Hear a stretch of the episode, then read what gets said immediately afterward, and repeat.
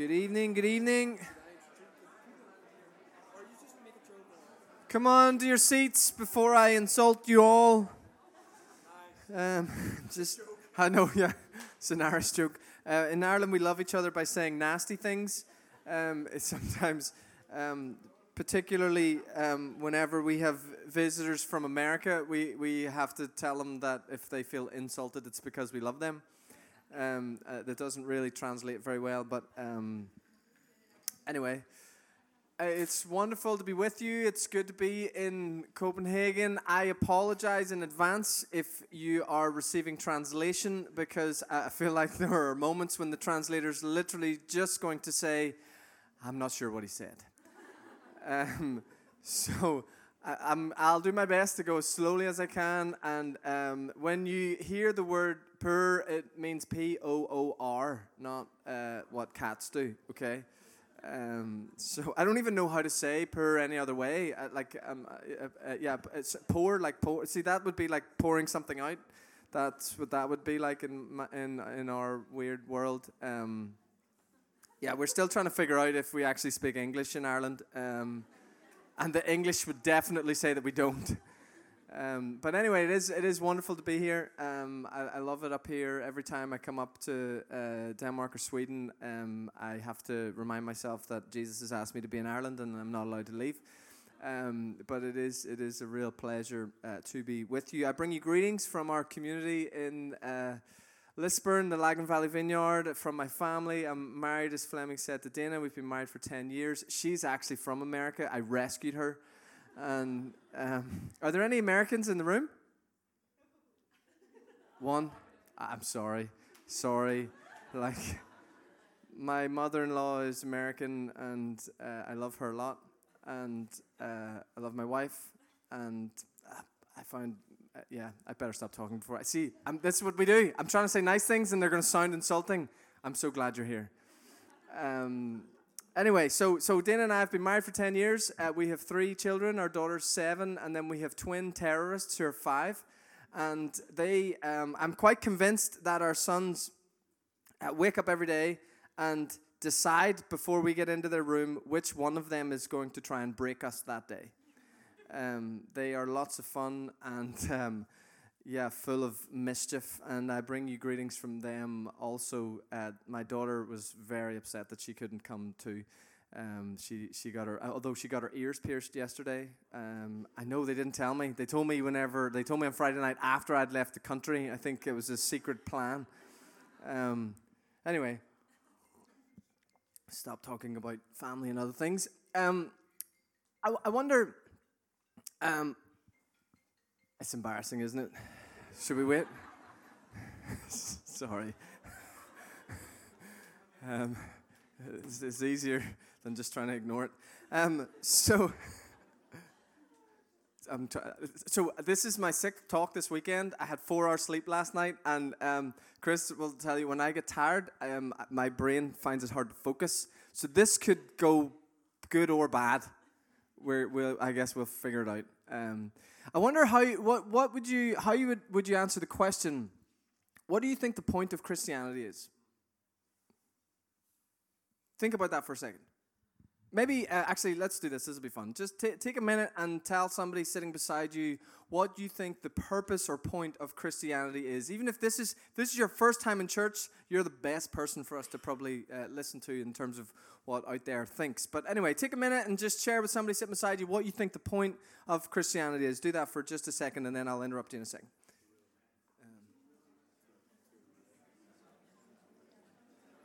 really quickly, don't get into, don't get, don't go too deep.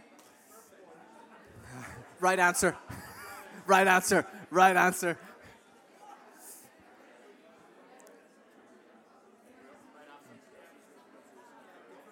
I'm not going to go on that talk. It's a different one. But that's a good answer. It's a good answer. It's a good answer. It's the right. It's the right answer. It's not the one I'm going to give, but um, I'm well. It's not the one I'm going to talk about.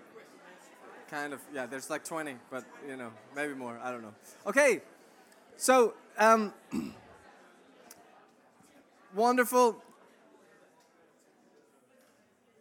I'm not sure we've done a really good job traditionally. Well, maybe you guys have done an awesome job up here in Denmark. At home, I, think the church has typically not done a great job at uh, helping people understand that question.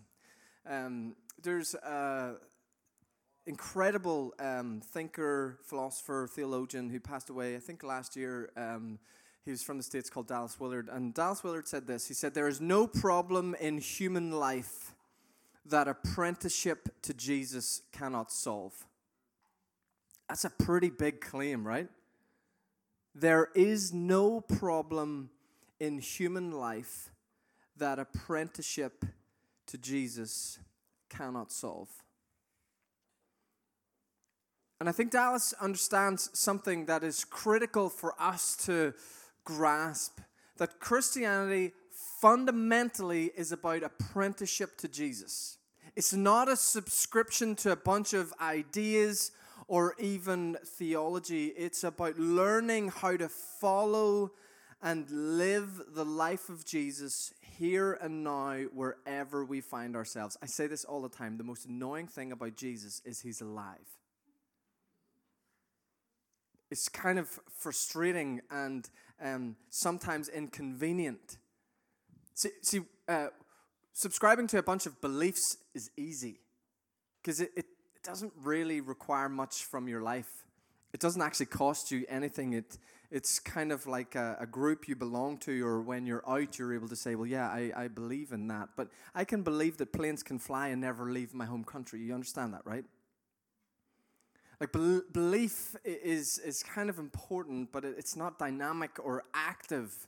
This word that Dallas uses, this idea of apprenticeship, is really what this whole thing is all about. That we would learn by following Jesus how to live His life wherever we do our life.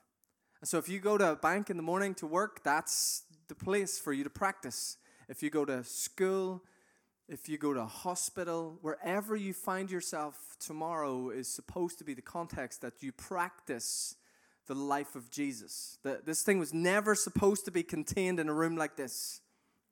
And it was never supposed to be defined by gatherings like this. It was always supposed to be measured by what's happening when we go. And it only makes sense in that context. And reading the scriptures only makes sense when you understand that the whole point is that the life of Christ would become active in your life. Fundamentally, the Christian life is about apprenticing yourself to Jesus. But the problem with almost all things Christian is that there is so much assumed because of years of familiarity, even in our post Christian, secular Western culture. If you stop 10 people on the street in Copenhagen tonight and ask them what they would think about Christianity, they'd have an answer, I guarantee you. You'd find it hard to find people that would say, I don't know what Christianity is.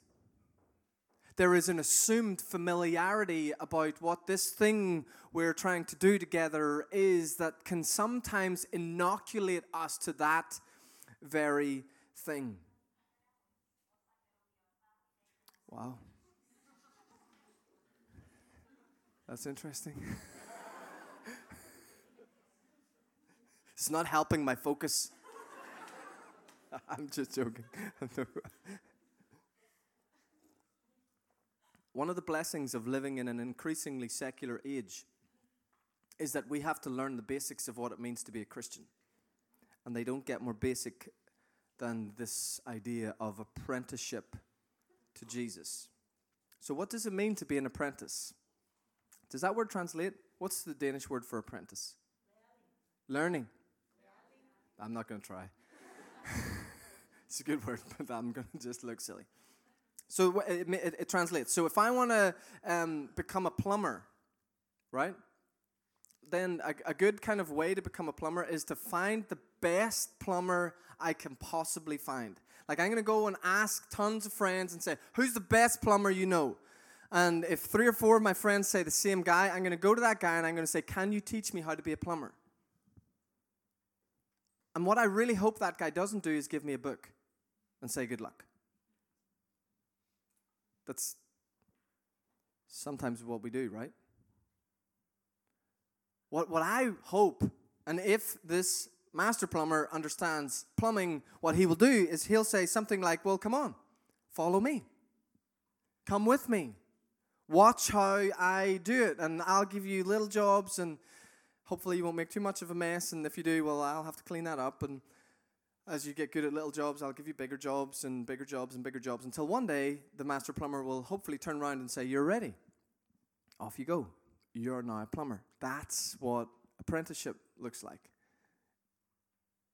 That's exactly what following Jesus is supposed to be like. That we would follow him and be instructed by him, and that those of us who have been following him a little longer than others would come alongside and say, Let me show you how this works. Let me show you what this looks like. Let me help you figure out how to do this in your bank or your school or your hospital or your street or wherever you find yourself in your everyday life. The core of the Christian faith is apprenticeship to Jesus, learning to live, think, and do life the way He does.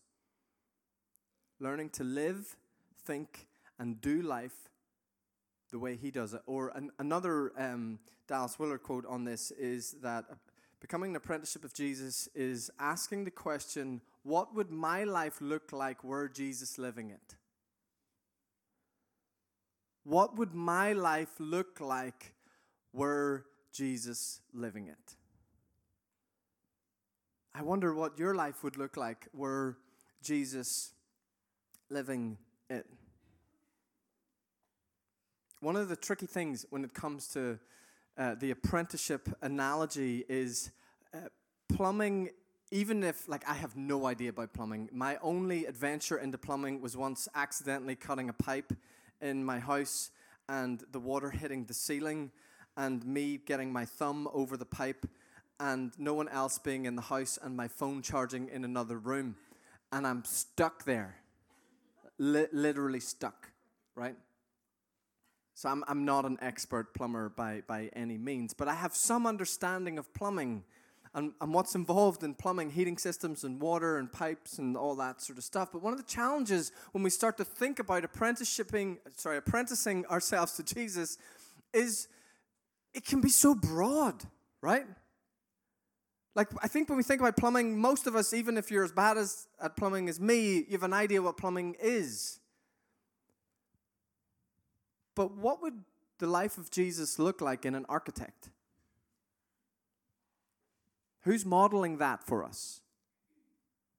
What would the life of Jesus look like in a media personality? Who's modeling that for us? What would the life of Jesus look like in a doctor or a teacher or a banker or a social worker or a government employee or somebody in the military. I don't think we have very many models for this. And so the wheels can come off quite quickly because typically our models are people like me who spend most of their life in rooms like this talking to people like you. And very few of you are going to do anything that looks like what I do. And so our model can sometimes break down. But I think Jesus had clarity on what he was doing. The same clarity that a plumber has. In John 5, he says, I only do what I see my Father doing. Jesus is walking around all day, every day, asking God the same question What are you doing here? God, what do you see and what do you say? Two of the most important prayers you'll ever learn to pray. God, what do you see and what do you say? If you're an architect, if you're a doctor, if you're an engineer, if you're a teacher, a social worker, full time parent, those are the most important prayers you'll learn to pray as you walk into your day tomorrow, your place of work. God, what do you see here? What do you say here? What are you doing? Jesus was completely sold out to his family business, what theologians call the Missio Dei, or the mission of God. I hope you understand that God is at work in the world in every single corner of culture and every single part of society, God is present and at work. There is no human being in Copenhagen this night, in this moment, that God's eye is not on, that He is not pursuing with His love. He is at work in the world, and we need to become apprentices of Jesus so that we too can join the family business, that we too can order our lives around this great mission that God is doing in the world. What is that mission? Very good question. Glad you asked. Because this is where the wheels come off again. People like me get to there and we say, There's a mission in the world. God is at work in the world and you should be with Him. And we all go, Great. What do I do? What does that actually require of us? What does that look like when you wake up in the morning. I want to look uh, briefly tonight. We're going to try and do this quickly at two passages. The first one is from the book of Revelation, chapter 21. I used to be uh, like a youth pastor. I hated whenever young people asked me questions about Revelation. I don't know if you've ever read Revelation, it's flipping weird. But this is the end of our story, the chapter before the very last chapter in the scriptures. I wonder if you ever read a story where it wasn't until the end of the story that the rest of it made sense. You, any of you remember the movie Fight Club? Like, uh, maybe you're all much better m- movie critics than me, but I never saw that ending coming. Like, whenever you find out that it's the same guy, it, it was like, whoa! And then I watched it again, and if you watch it again, you see signposts the whole way through the movie, right from the very first scene where they get on the plane and they have the same briefcase. There are signposts through the whole movie, but it's not until the end and the big reveal that you get to go, ah, that's what all of that was about. The end of the movie puts the rest of it in context and brings sense to the whole story, but it's not until the end that we discover it.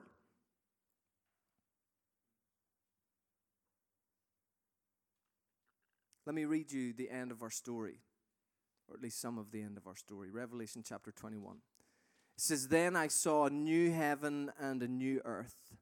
For the first heaven and the first earth had passed away, and there was no longer any sea. I saw the holy city, the New Jerusalem, coming down out of heaven from God, prepared as a bride, beautifully dressed for her husband. And I heard a loud voice from the throne saying, Look, God's dwelling place is now among the people. And he will dwell with them, they will be his people, and God himself will be with them and be their God. He will wipe every tear from their eyes. There will be no more death, or mourning, or crying, or pain, for the old order of things has passed away. And he who was seated on the throne said, I am making everything new. Then he said, Write this down, for these words are trusty and true. This is the end of our story. The big reveal about what God has been doing ever since the moment in the garden in Genesis 3. Everything moving towards a moment when God remakes everything and makes his dwelling among us. I don't know what it's like up here in Denmark, but at home we have been infected with this idea that the whole point of the Christian faith and the gospel is that we would go to heaven when we die. It's not the end of the story. It's not that we would die and go and be with God, it's that God would remake everything and come and be with us. God's heart has been captured by humanity from the moment He made us. And everything He has been doing throughout human history has been about Him trying to dwell with us right at the very core of this thing called the mission of God is a desire for Him to be among us. And everything that precedes this moment in the Bible is the story of God outworking that desire and inviting us to join Him in it. Verse 3 Look, God's dwelling place is now among the people. and he will dwell with them. If you want to know what God cares about, there it is right there. That he would dwell with us, that he would make a home with us, and that every human being on the planet would know his presence with them. It goes on to say that God will wipe away every tear, a time when there, there will be no more death, or mourning, or crying, or pain. I don't know if you've ever been to Christian conferences before. But one of the funny things that I notice sometimes about Christian conferences is often the people that, that speak have the most dramatic life stories. Like, I, I want to say this respectfully, but you know, they start to talk about this crazy traumatic childhood they had, and then some other crazy thing that happened whenever they were a teenager, and then this huge challenge that happened in their twenties. And before I guess I started doing this much, I would I would listen to these stories and think, wow, I don't think I can play. Because my parents loved me when I was growing up. And my brother and sister, they loved me too. My girlfriend dumped me when I was 14. That was kind of hard. But I, I don't have I, I don't have this like hugely traumatic um, life story. This text took a whole new meaning for me uh, four Christmases ago, uh, four years ago on the 20th December next month. Uh, it was a Saturday morning, and uh, I was uh, on the phone with a, a, dear, dear friend of mine. He ha- is married, he had an 18 month old daughter, and his wife was three months pregnant with their next child. And uh, we were just chatting through some work stuff. I helped with his business and things, and um, all of a sudden the line just dropped. And uh, I thought that's kind of strange, but it's uh, cell phones that kind of happens, I guess. So I hung up, and I tried to phone him back, and I couldn't get him. And I assumed, I guess, something um, had come up, and he'd uh, nipped out, or maybe the phone uh, battery had gone. And three o'clock that afternoon, his wife phoned me to say that she returned from a driving lesson to find him dead on their daughter's bed no underlying health conditions, 31 years old, married, 18 month old daughter, and wife three months pregnant. About four days later, standing at his funeral, similar shaped room to this, I was over there, and Connie, his wife, was about here. And uh, we were doing our best to worship Jesus. This text came alive like it never had done before. That we look forward to a time when the ugliness of death is gone, when there is no more mourning, no more crying, no more pain. I was infected with the longing of Revelation 21 like I'd never known before. that there is a time coming when all the pain will go away. That there is a time coming when every tear will be wiped away. A time when God's presence will be so tangible among us, even in our worst moments.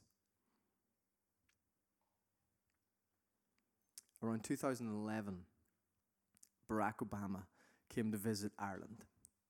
And um, there were these two uh, songwriters. I'm not even sure if you could call them songwriters, but anyway, they, the Corrigan brothers, you call them. And they, they wrote a song called There's No One as Irish as Barack Obama. You should YouTube it whenever you go home. There's no one as Irish as Barack Obama. And uh, he made several speeches around Ireland. And uh, 2011 was a pretty dark time uh, in our history. There was a huge recession, rampant poverty. Uh, things were not good. And uh, in one of his speeches, in the way that only Barack Obama can, he heralded to the nation of Ireland Ireland, your best days are ahead of you. And it was like hope walked into the room, and people shouted and cheered. And about three days later, one of our uh, fairly well known comedians, a guy called Tommy Tiernan, quipped about that speech. Great, what do we do in the meantime?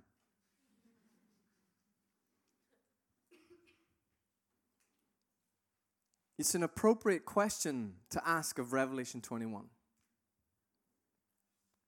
Yeah, yeah, it's, it's hopeful and maybe helpful to know that there is a time coming when all of the pain will go away, when every tear will be wiped, and God will make his dwelling among us. But quite literally, what on earth do we do in the meantime?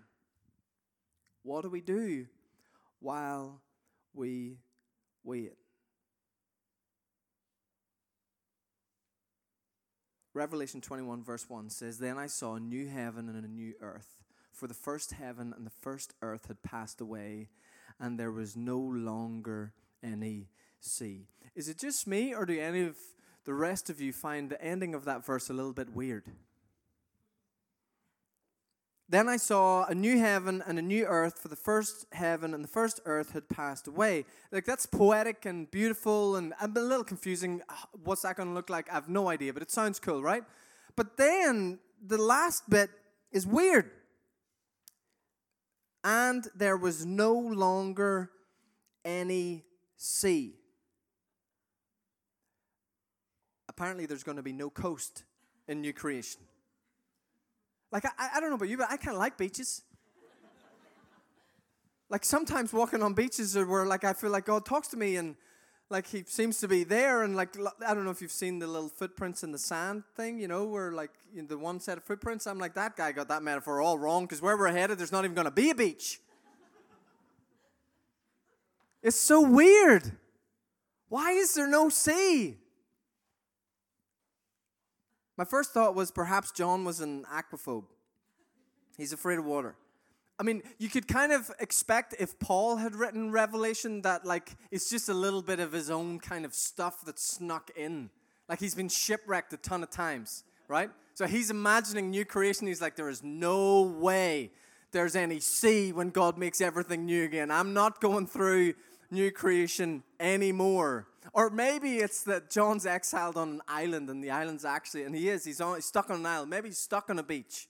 And the monotony of the waves has just kind of completely made him go mad. And he's like, okay, God, I'll write Revelation, but I am writing the sea out of it.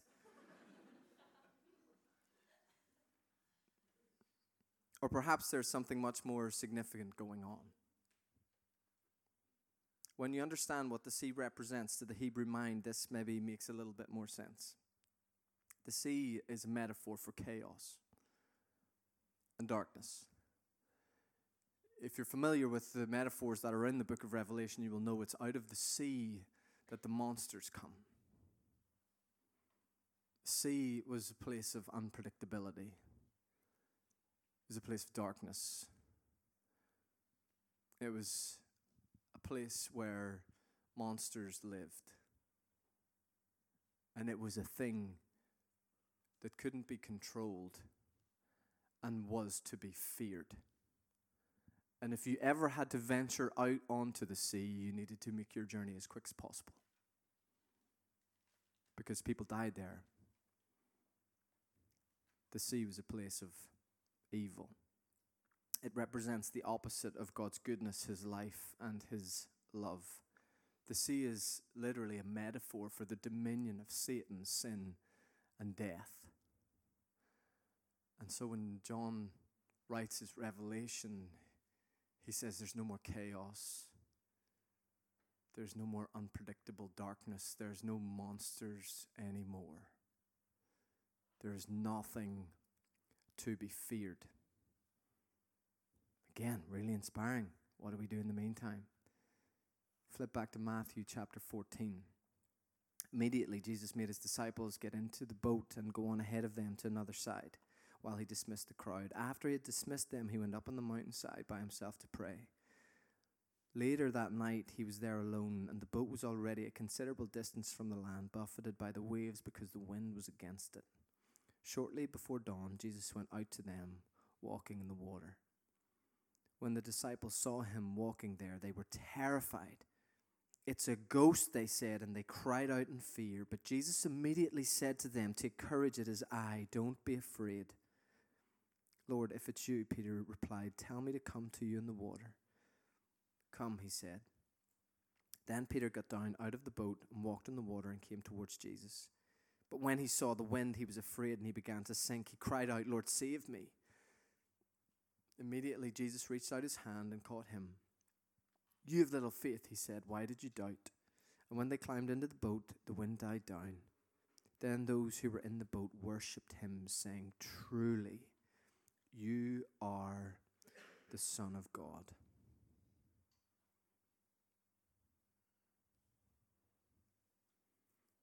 The reason, when you understand what the sea represents, again, this story makes a whole lot more sense. The reason they assume it's a ghost is because the sea is the place where those kinds of things lived. The equivalent is kind of, uh, it's not quite the same, but imagine like the scariest graveyard you can imagine. And that's what you're walking through in the middle of a dark night. And you begin to see a figure moving around. That's what's happening to the disciples here. You've probably always thought of this story as Jesus walking on water. What if the much more profound truth in it is that he's standing on the sea?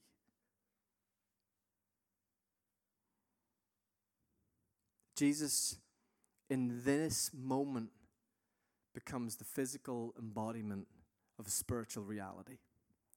Christ having dominion over Satan, sin, and death. The kingdom of God alive on earth. Satan, sin, and death quite literally under his feet.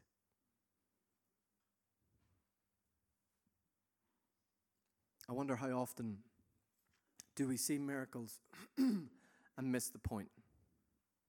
The point to this story isn't that Jesus overcame gravity and that we can learn to fly.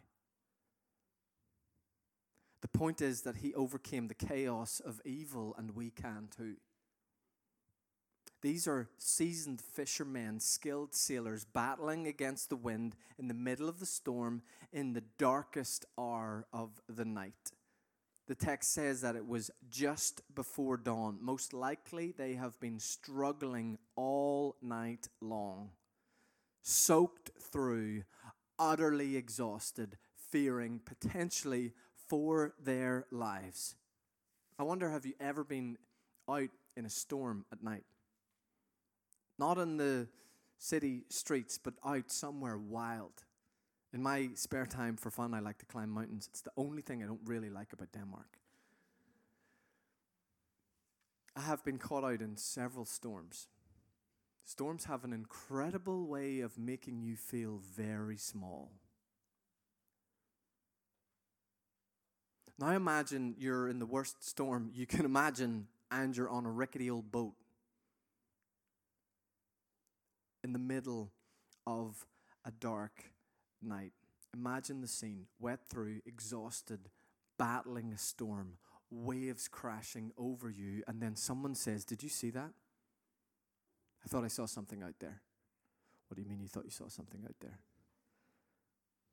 That moment when you're really tired, I don't know, maybe it's just me, when you're really tired, you kind of get a bit more scared easily. Like you're a bit more vulnerable. And they've been battling this storm all night long, and someone says, Did you see something? I'm sure I saw someone out there. And they, be, they begin, the, the kind of fear begins to get passed from person to person someone's probably going, Don't be stupid, we're just tired. And then they see it again. And between the waves, there's definitely somebody out there. And it looks like they're walking in between the waves. The text says that they are terrified. Remember, this is what culturally they are most afraid of monsters emerging from the sea.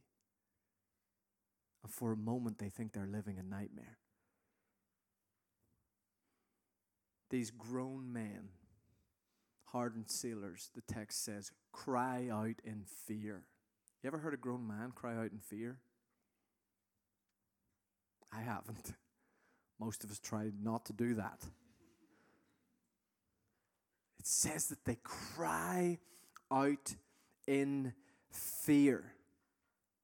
And then a voice comes through the sound of the wind and the crashing waves, and the voice is familiar, but it's utterly surprising. And it says, Take courage, it is I, don't be afraid. I wonder, did that scare them more? Ever notice that? Voice of God is a scary thing. It's a loving thing, but when you hear God, it's a can often be a scary experience. And in the midst of this crazy scene, the voice of Jesus comes to them Take courage, it is I, don't be afraid. I want you to imagine for a moment, bring to the front of your mind the thing in your life that you're most afraid of. It's maybe not a usual exercise for a Sunday evening in church. I'm serious. I'm not going to ask you to share it with anybody. Bring to your mind right now the thing that you're most afraid of.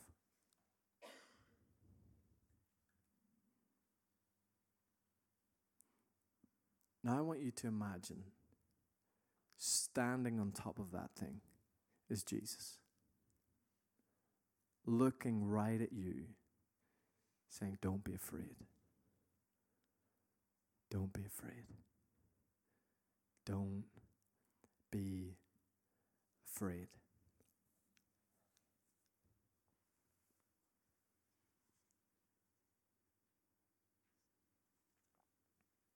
Verse 28 Peter opens his mouth and speaks back to the wind. Lord, if it's you, Peter replied, tell me to come to you on the water. And Jesus looks back and says, Well, come on then. Just place yourself in that boat for a second. Not as Peter. I'm not sure any of us are that mad. Just as a, one of the other guys. Just imagine that moment. Like you're not sure if it's Jesus. Why does Peter ask that question that way? Lord, if it's you, tell me to come. Peter understands apprenticeship. You see, in the rabbinical model of this day, right? Jesus was rabbi. There were lots of other rabbis. And when a rabbi invited someone to come and apprentice themselves to him, he wasn't saying that you can learn to believe what I believe or you can learn to know what I know. That's not what discipleship was all about. When a rabbi said, Hey, come and follow me, what he was saying was, I believe that you have what it takes to learn to live my life. That everything that's available to me will become available to you. That's the point of discipleship. That's what apprenticeship is all about. Peter understands that. And so he says, If you're my rabbi, tell me to come. Because I know that everything that's available to you is available to me. So if it's really you, tell me to come. And Jesus says, Come on then.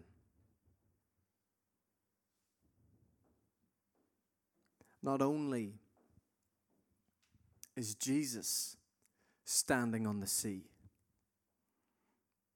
he invites those who follow him to join him there.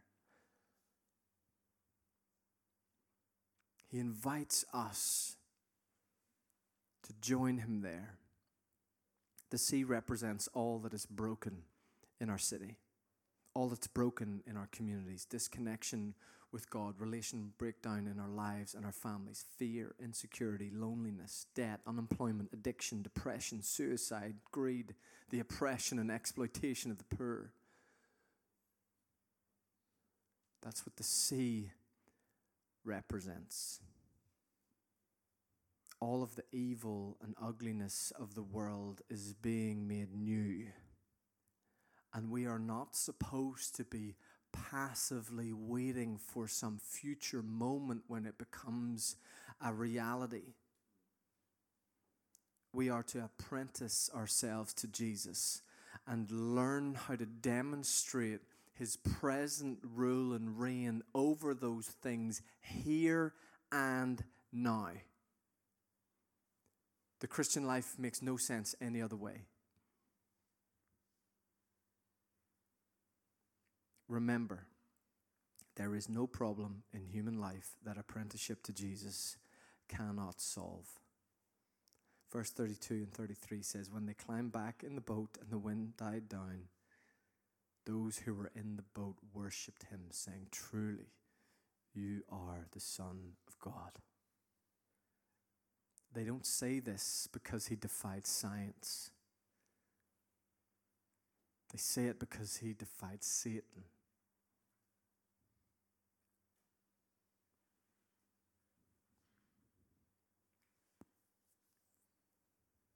Sounds obvious, but you can't stand in the sea naturally. It requires the supernatural power and presence of God. In Matthew 28, Jesus sends his followers to go and make apprentices of the world, teaching people to live, think, and do life the way Jesus did. We are literally sent into the world to stand on the seas that exist in our lives, in our families, in the places that we work, in the communities that we live. That's the point. So I wonder, what seas is he inviting you to stand on? When you look out across Copenhagen, what seas do you see?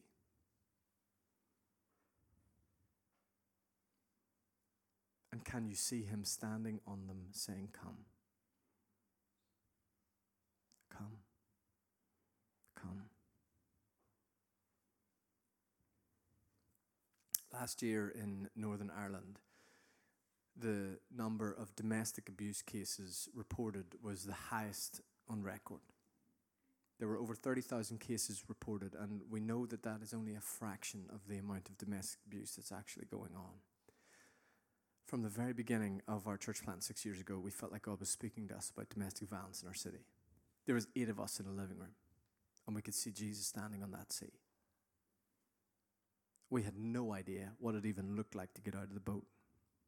So we just began to pray and talk and dream and pray and talk.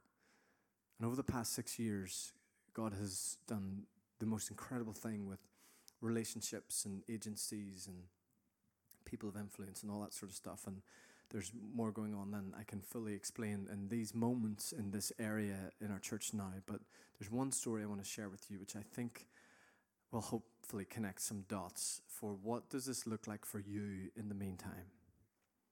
There's a dentist in our community named Kevin, and um, Kevin's been journeying with us for about three years, and uh, we talk about this kind of thing all the time. And he came to me about a year ago, and he said, "Andy, I always thought my work, the point of the place that I work, was to just tell people about Jesus, but I'm a dentist, and they can't talk back." It seems pretty unfair when I'm trying to figure their teeth out to be like blink once if you want Jesus and twice if you don't. And so he said, I always felt like my, my work, my the majority of my life had no divine purpose other than, I guess, making some money that I can give to church.